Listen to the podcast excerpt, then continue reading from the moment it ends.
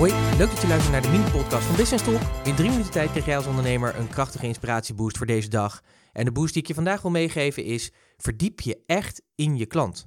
Als het goed is, heb je natuurlijk klanten en hopelijk heb je ook betalende klanten. Want zonder klanten heb je namelijk geen bedrijf. Zo simpel is het eigenlijk. En om die klanten te krijgen, dan moet je ze natuurlijk kennen. Ja, we hebben het dan ook wel over een doelgroep. Of als je meerdere doelgroepen hebt, als je meerdere klantgroepen hebt, ook wel over klantsegmenten.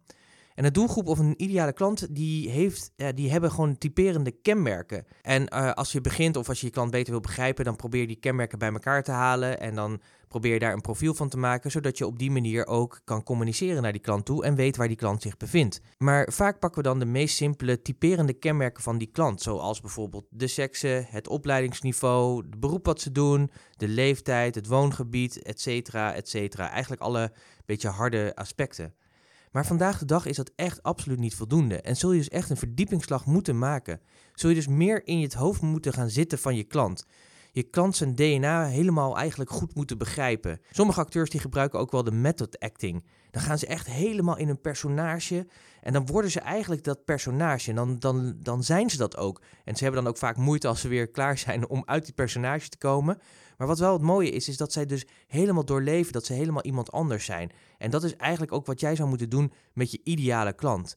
Eigenlijk zou je dus ook helemaal dat DNA je eigen moeten maken, helemaal in hun, in hun lijf moeten kruipen om ze zo goed te begrijpen dat je precies weet wat ze nodig hebben en dat dus ook kan aanbieden. Nou, wil je die verdieping ook eens een keer maken? Ga dan eens aan de slag met de Empathy Map.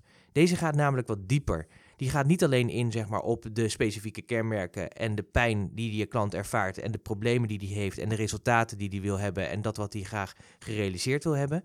Maar die gaat ook na over wat denkt hij nou of zij. Het ligt maar net aan wat je ideale klant is. Of wat ziet ze? Of wat spreekt hij? Of wat hoort hij? Dus ze gaan een hele andere kenmerken gaan ze kijken. Ik zou zeggen, maak die verdiepingsslag. Je zult zien dat als je die verdieping maakt, dat je je profiel van je klant verbetert en daar nog, nog beter kan aansluiten bij de behoeften van je klant. En dat wil je natuurlijk absoluut. Ik wens je daar heel veel plezier bij. Neem natuurlijk gewoon die actie. Ga dat profiel maken en communiceer nog beter naar je klant toe. Ik wens je daar heel veel plezier bij en een hele fijne dag. Tot morgen.